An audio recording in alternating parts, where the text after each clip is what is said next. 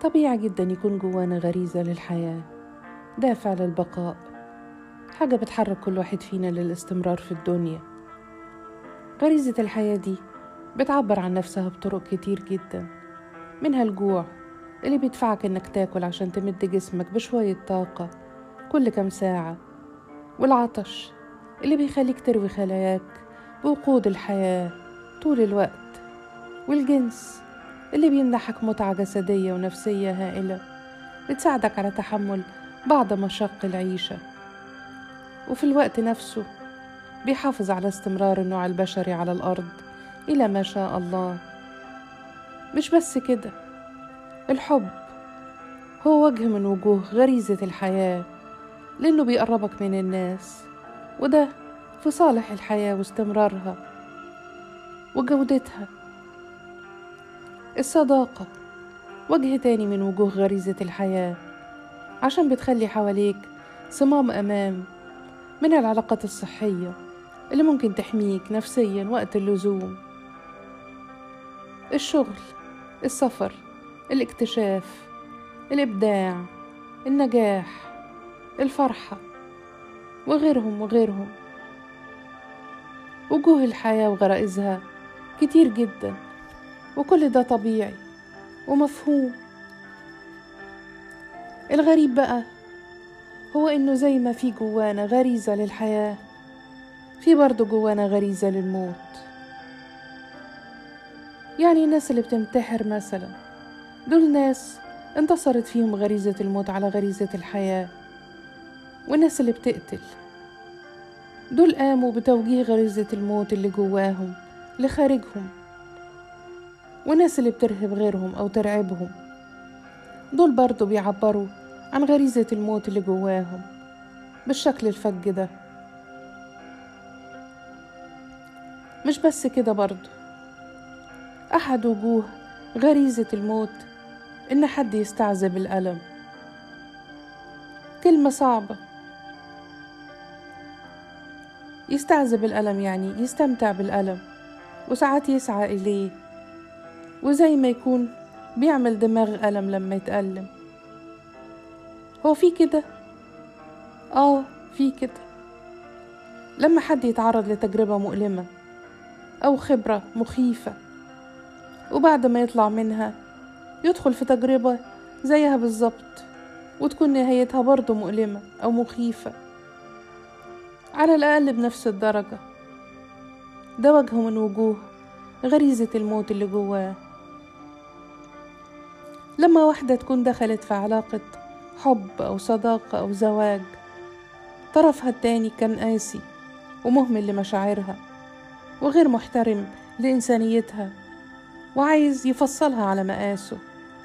وبعد ما تنتهي العلاقة تيجي بكل بساطة تدخل في علاقة جديدة تختار فيها حد له مواصفات شبه الشخص اللي فات بالظبط وتمشي معاه نفس طريق القسوة والألم تاني وتكرر ده مرارا وتكرارا.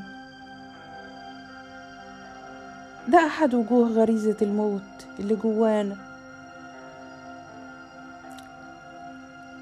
لما واحد يقعد يلوم نفسه بشكل مرضي مبالغ فيه عمال على بطال مع كل خطوة وكل فعل وكل حركة. يعلق لنفسه كل يوم مشنقة. ويجلد نفسه كل ليلة كم جلدة. أهو ده بيمارس غريزة الموت كل يوم وكل ليلة.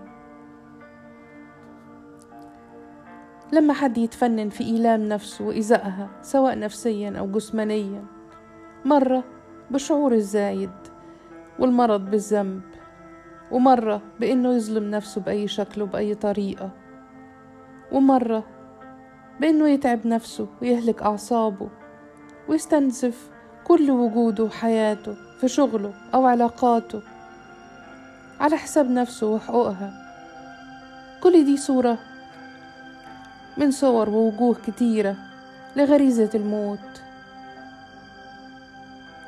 طبعا في وجوه أقرب وأوضح وأشهر من كده بكتير.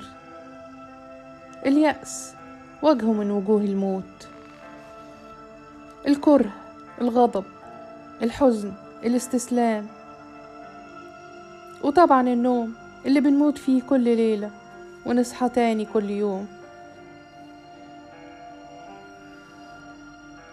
غالبا اتكونت عندك دلوقتي فكرة عن باقي الفصل اللي المفروض أقولك فيه.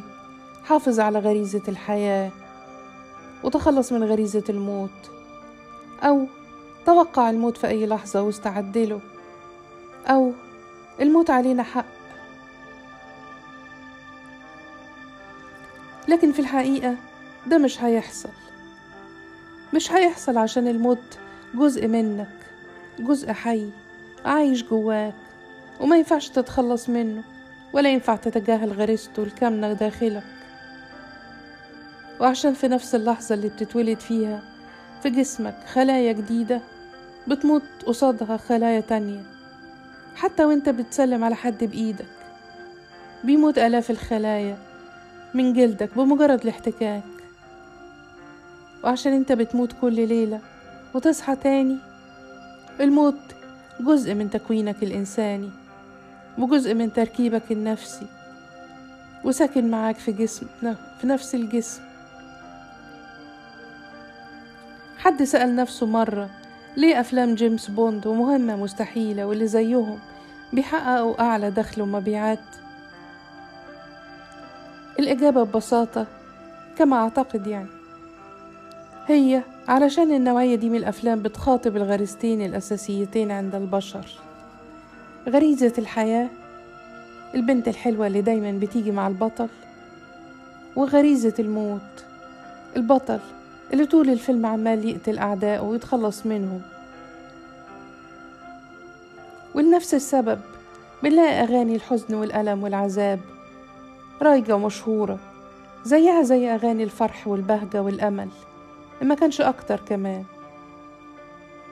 وأفلام الرعب ومصاصين الدماء بتنتشر وتزيد ويتعمل لمعظمها جزء تاني وتالت وحتى سابع لأنها بتخاطب على مستوى عميق جدا غريزة الموت اللي جوانا اللي جوانا كلنا. إيه ده؟ في إيه؟ اهدى كده وكمل بالراحة وانت تعرف في إيه.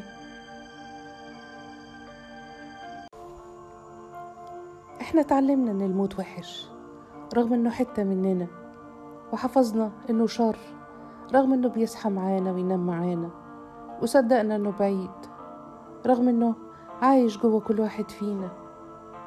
تفتكر ينفع إننا نتخلص منه؟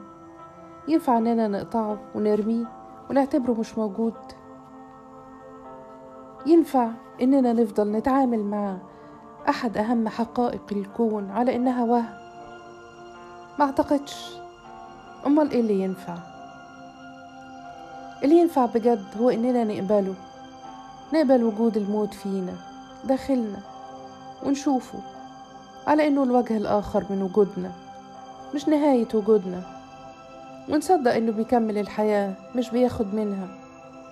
وإنه إضافة مش نقصان. يمكن ده يصالحنا شوية على الموت اللي برانا موت الأحبة والغاليين وموتنا إحنا شخصيا.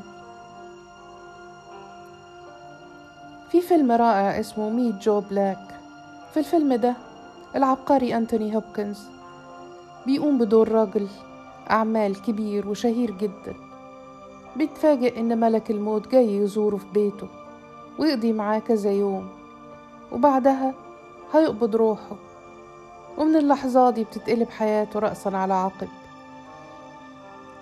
أنتوني هوبكنز في الفيلم ده كان في رحلة رحلة قبول موته وفي اللحظة اللي قبل فيها قبل فيها موته بطل يخاف منه وبطل يترقبه وعرف يعيش.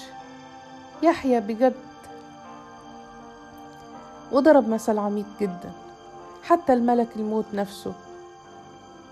في معنى الحياة ومعنى الحب ومعنى الوجود. وقت ما جت النهاية هو شخصيا اللي بادر بأخذ إيد ملك الموت وسط أجواء احتفالية طليق برحلته.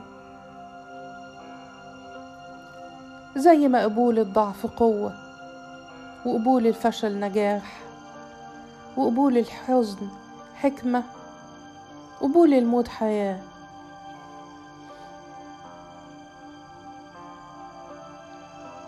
إحنا محتاجين. لا أنا مش عاوز دلوقتي أتكلم بصيغة إحنا ولا إنتي.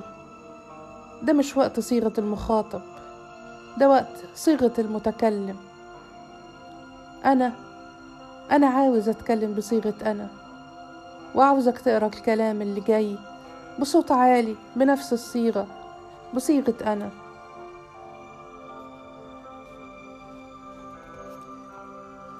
أنا جوايا موت وجوايا حياة. ما ينفعش أتخلص من واحد منهم أو أستغنى عنه. أنا جوايا موت وجوايا حياة زي ما جوايا ضلمة وجوايا نور. الاتنين بيكملوا بعض بياخدوا من بعض ويدوا بعض. أنا جوايا موت وجوايا حياة متضفرين في بعض ماشيين مع بعض وساعات في نفس الاتجاه. اللحظة اللي هقبل فيها الموت اللي جوايا هي نفس اللحظة اللي هقبل فيها غضبي وما اسمحلوش إنه يتملكني ويسيطر عليا. اللحظة اللي هقبل فيها الموت اللي جوايا هي نفس اللحظة اللي هقبل فيها خطئي وفشلي وضعفي وتقصيري وما أقفش عندهم ولا خليهم يعطلوني. اللحظة اللي هقبل فيها الموت اللي جوايا هي نفس اللحظة اللي هيلتحم فيها فجوري بتقواي. هي اللحظة اللي هسمح فيها لنفسي إني أحزن في هدوء وأتألم في حكمة وأصبر في ثبات هي اللحظة اللي هقبل فيها الخوف والانكسار وساعات خيبة الأمل. هي اللحظة اللي هسامح فيها نفسي وسامح فيها غيري. هي لحظة ما يجتمع جوايا كل أبيض وأسود ويتآلف كل يمين وشمال ويتصالح كل نقيض مع نقيضه. هي لحظة إن نفسي تبقى نفسي كل كامل متكامل. ملتئم ملتحم رائع بنقصانه وجميل بفنائه هي لحظة إني أكون بني آدم أخيرا على فكرة أنا شخصيا ما وصلتش لسه للحظة دي لأنها مش لحظة هي رحلة. بس أعتقد إني حاليا على نقطة ما في الرحلة دي. والله المستعان. اوعى تكون بطلت تقرأ بصوت عالي. وبصيغة أنا. طيب اقراها تاني من الأول بصوتك وعن نفسك.